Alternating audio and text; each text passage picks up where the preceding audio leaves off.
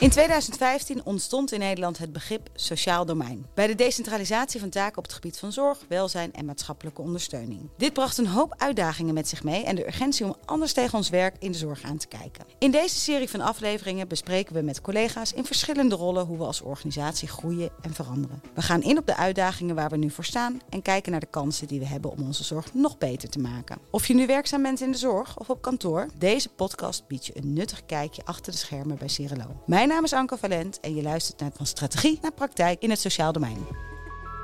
Wat is het belang van het netwerk van cliënten, van ouders en van ons als specialist? Wie heeft welke verantwoordelijkheid? En wat is de positie van Cirelo, bijvoorbeeld bij GGZ-problematiek bij onze doelgroep? Hoe kunnen we samenwerken en elkaar versterken en zo het leven van cliënten beter maken en ons werk mooier maken? We gaan in deze aflevering op zoek naar wat samenwerking betekent, op verschillende niveaus. Wendy van Keulen, ambulant teamcoördinator Dronten. Wat betekent samenwerking voor jou? Ja, ik denk dat je het met elkaar moet doen. Je moet uh, naast de cliënt staan en uh, iedereen daarin meenemen die daarvan belang is. dus als, ja, dat, dat kan een school zijn, het kan een GGZ zijn, het kan een huisarts zijn, een, een sportschool.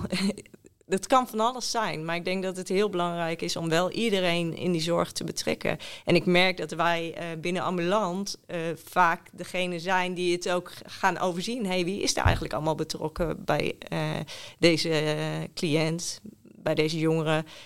Um, en waarom werken we niet meer met elkaar samen? Of waarom zoeken we het contact niet?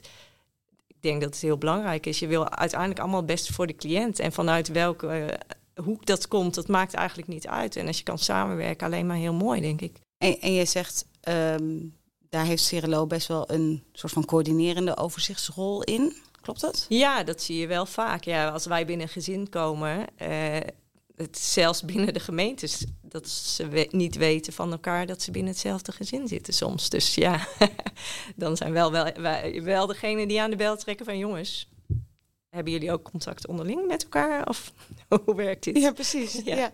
En we hadden net even een, een hypothetische casus waarin we uh, een cliënt hebben met lichtverstandelijke beperking en GGZ-problematiek.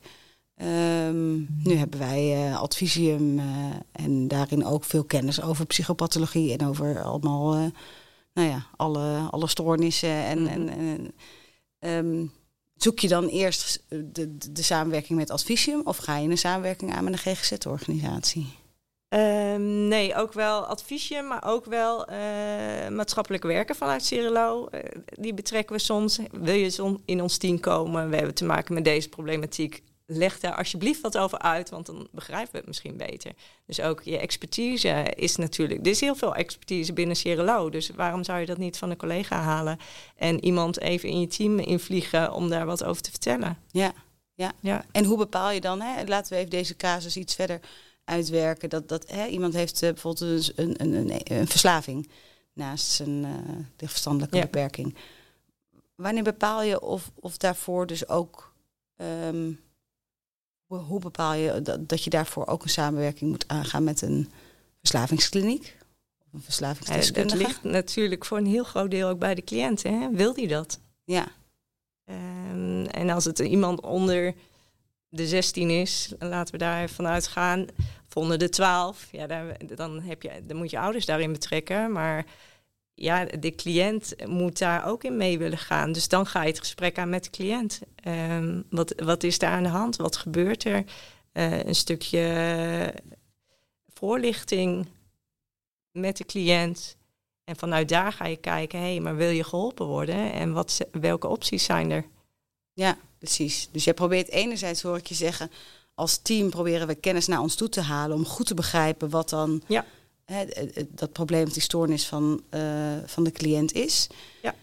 En vervolgens uh, leggen we de regie bij de cliënt in hoeverre hij of zij ook echt geholpen wil worden. En dan gaan we pas. Ja, ja de cliënt heeft natuurlijk zijn eigen regie. Dus ja, daarin moet, daarmee moeten wij het wel doen. Ja, ja precies. Ja. Hoe belangrijk is het netwerk van cliënten? Ja, dat verschilt echt uh, per, per cliënt, per casus. Uh, wat we wel zien is, is het echt het naaste netwerk, zeg maar, de, de familie. Uh, is vaak wel minimaal. Soms zijn wij echt de enige die bij iemand achter de voordeur komen. En dan zijn wij het netwerk. Dat is heel ingewikkeld. Dus dan ga je kijken, hey, hoe kan ik iemands netwerk vergroten door wel bijvoorbeeld naar Meerpaal in Dronten te kijken. Wat, wat bieden ze daar aan voor activiteiten? Een etentje van de kerk, een bingo. hoe kan iemand weer wat meer onder de mensen komen? Ja. ja. Als we straks met minder medewerkers zijn, omdat er gewoon minder mensen in de zorg werken en veel mensen met pensioen gaan, mm -hmm. maar nog steeds wel veel mensen hulpbehoevend zijn kunnen we dan alles nog met professionele zorg oplossen? Nou ja, dat, dat is een goede vraag. En ik denk ook dat, dat je best wel eens kunt kijken, kunnen wij ook met vrijwilligers werken? Uh, kan er naast ons een vrijwilliger staan? Hoe mooi zou dat zijn? Hebben jullie als team vrijwilligers? Nee, nee. nee. Maar het is best wel een, een mooie optie. Het, een andere kijkrichting misschien, maar wel om, om een cliënt te ondersteunen. Maar daarin moet je ook heel erg oppassen. Hè? Wat is dan nog zorg en wat is eh, meer een maatjesproject, zeg maar. Ja. ja, en je gaf net al aan dat jullie samenwerken met uh, de maatschappelijke dienstverlening van Flevoland en uh, met Homestart. En Homestart is volgens mij dus meer vrijwilligers. Ja, ja. Het is ja, dus ja, dat moet je dat als Cerelo, als, hè, als je zegt we zijn specialistisch ja. partner voor de complexe zorg, nou, dan wij dat dan doen? Nee, dan zou ik het niet doen, denk ik. Nee. nou, ik vind het ook een zoektocht hoor, dus ik heb ook het antwoord niet. Nee.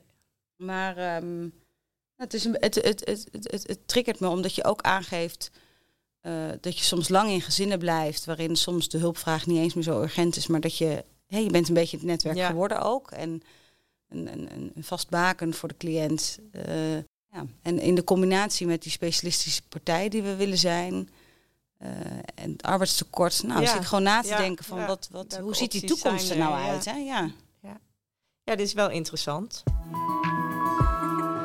En, en, en toch triggert het me dan dat ik denk, volgens mij komen we in, het, uh, in de doelgroep die we beschrijven, hè, de LVB, jeugdige jongeren die naast zijn LVB gedragsproblemen heeft, heel veel die, die gezamenlijkheid met GGZ tegen. Is het bijna zelden enkelvoudig LVB.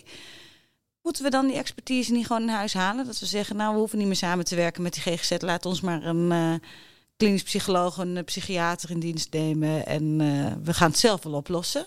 Ellen Sveers, manager Polykliniek bij Advisium Midden-Nederland. Hoe zie jij dit? Ja, ik denk dat, dat, uh, ik denk dat je niet de GGZ in huis haalt door een klinisch psycholoog of een psychiater in dienst te nemen. Ik denk dat de GGZ heeft natuurlijk heel veel kennis en kunde even nog naast de klinisch psycholoog en de psychiaters. En er zitten ook heel veel behandelaren.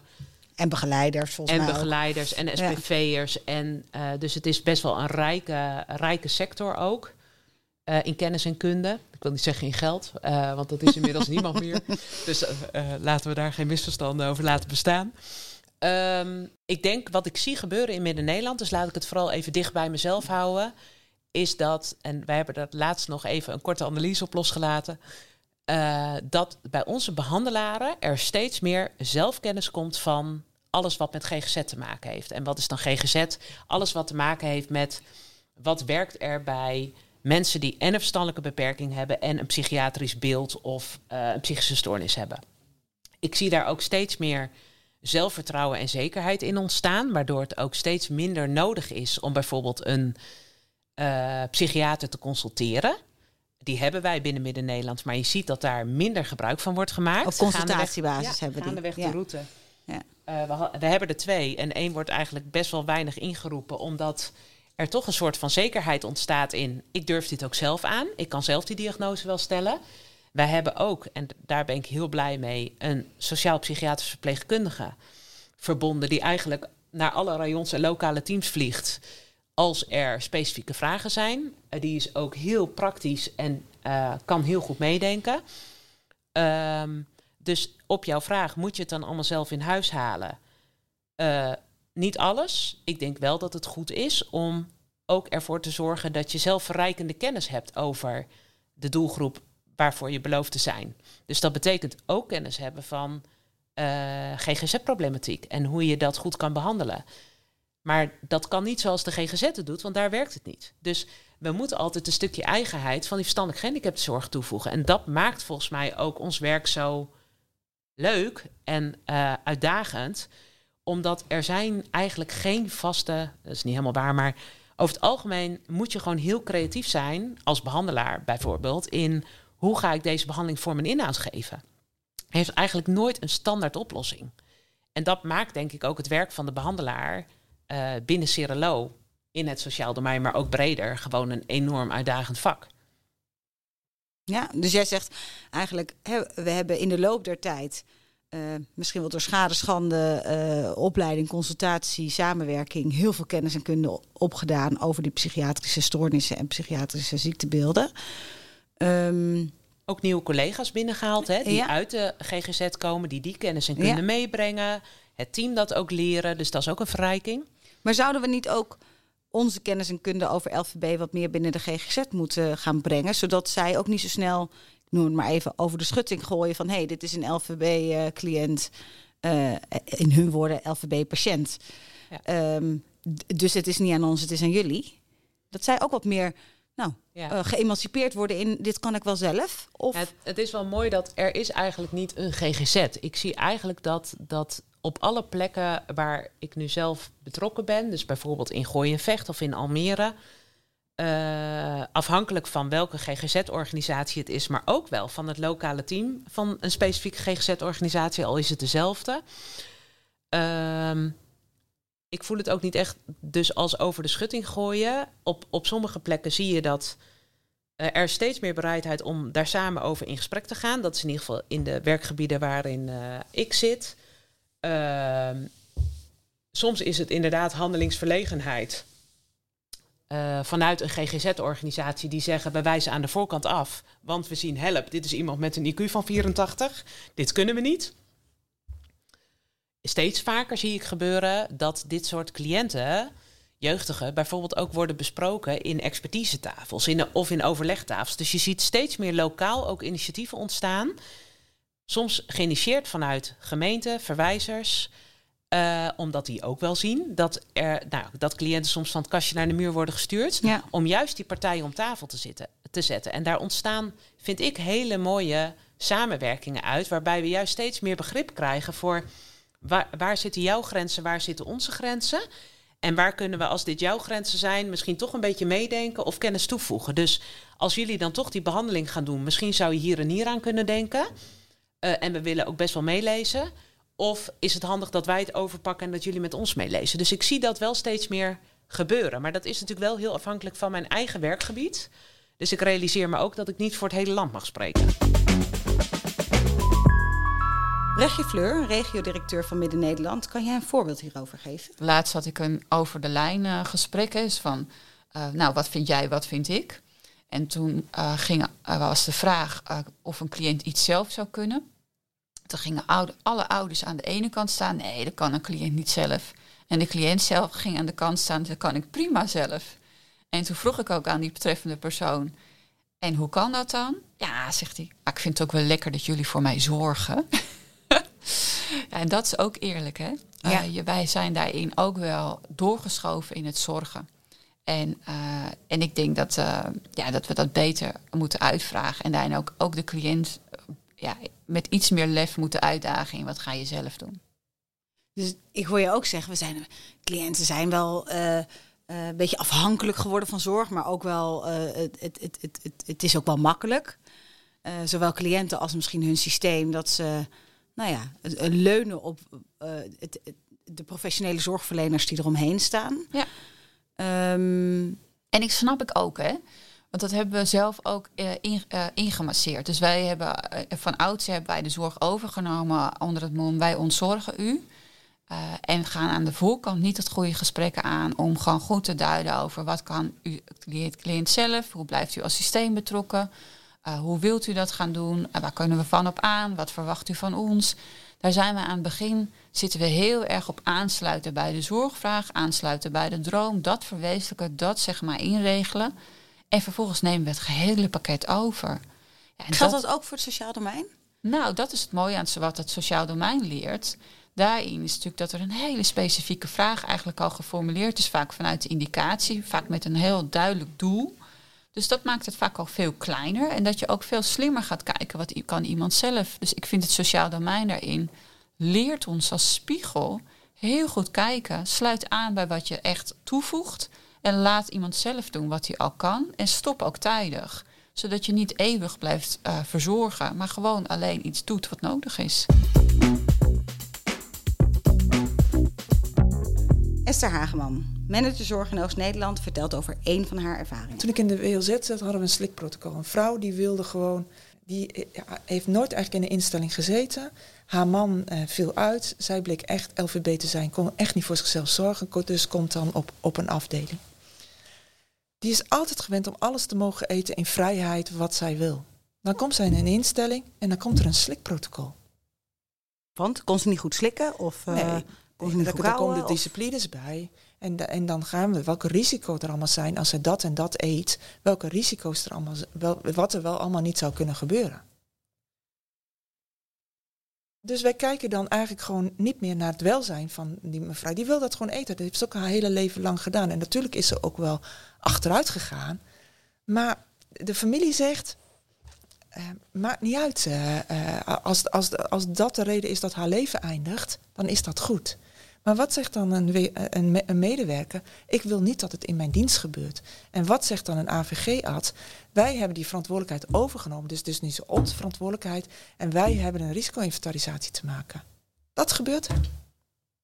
Laat los. Laat los. Mooi. We hebben uren over gesproken.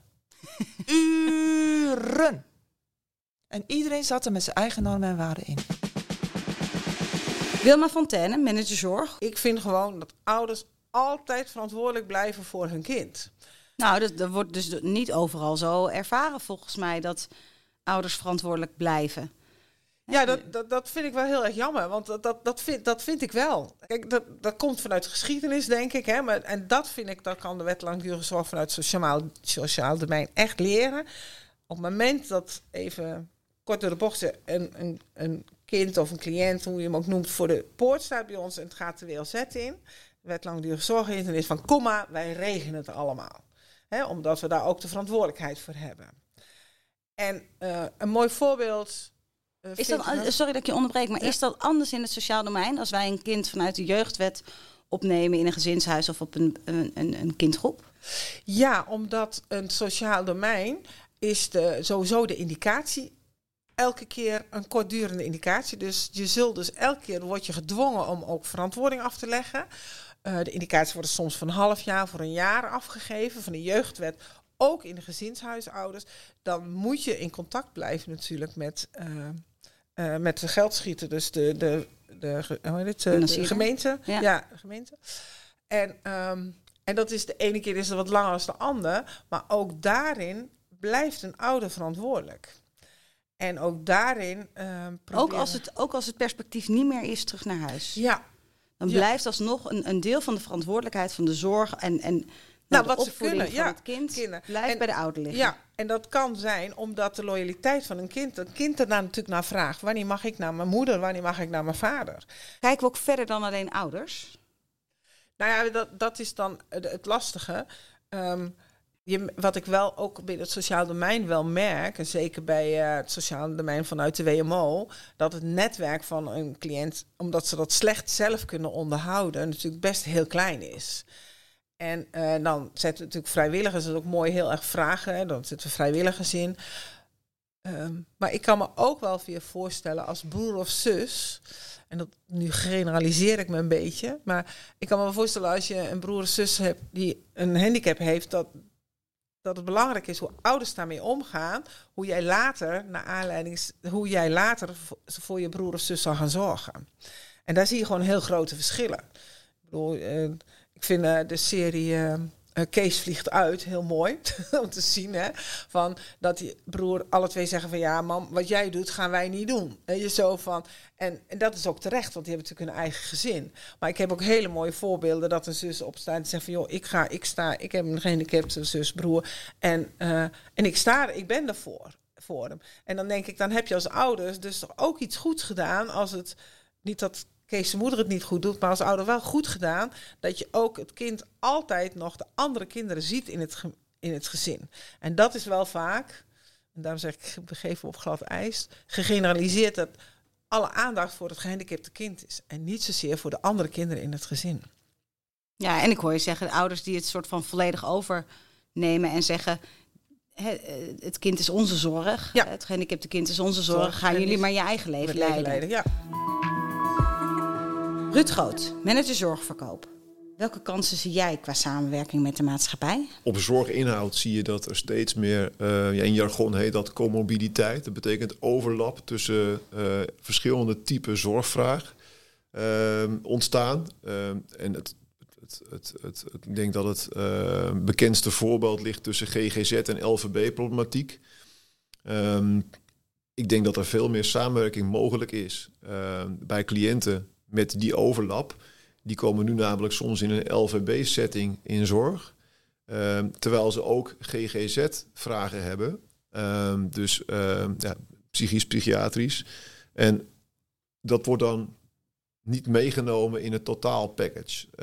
dus dan zijn bijvoorbeeld cliënten eerst een poosje bij een LVB-aanbieder in zorg. En daarna gaan ze naar een GGZ-aanbieder in zorg. Om daar een GGZ-problematiek uh, uh, aan te werken. Terwijl, hoe zou het nou zijn in de praktijk? Uh, als een, bijvoorbeeld een uh, jeugdige met een LVB bij ons in zorg komt en wij bellen een GGZ-aanbieder en zeggen: joh, uh, wij hebben hier een LVB-behandelklimaat, maar wij missen de expertise vanuit GGZ. Zouden jij, zouden, zouden jij en ik niet eens een keer samen kunnen gaan, gaan, gaan, gaan, gaan praten om afspraken te maken hoe dat we in gezamenlijkheid nou die cliënt gaan helpen op één plek tegelijkertijd? Ik denk dat daar heel veel kansen liggen ehm, eh, om, uh, nou, om te verbeteren. En ik denk dat er ook kansen liggen in uh, bepaalde bijvoorbeeld publiek-private verbindingen. Dat je als zorgorganisatie afspraken kunt maken met, nou, ehm, met zowel gemeenten, dus overheden, als onderwijs, als ondernemers. Zoals we horen is samenwerking ontzettend belangrijk. Voor ons als organisatie, voor de keten als geheel, maar ook voor onze medewerkers onderling en natuurlijk voor onze cliënten en hun netwerk. Cirelo zet in op samenwerking op alle niveaus, omdat we geloven dat je alleen wellicht sneller gaat, maar samen verder komt. De laatste tijd heb ik veel gehoord dat de WLZ kan leren van het sociaal domein. En ik ben eigenlijk wel benieuwd wat dat dan is. Dus de volgende aflevering duik ik daar graag met jullie dieper in.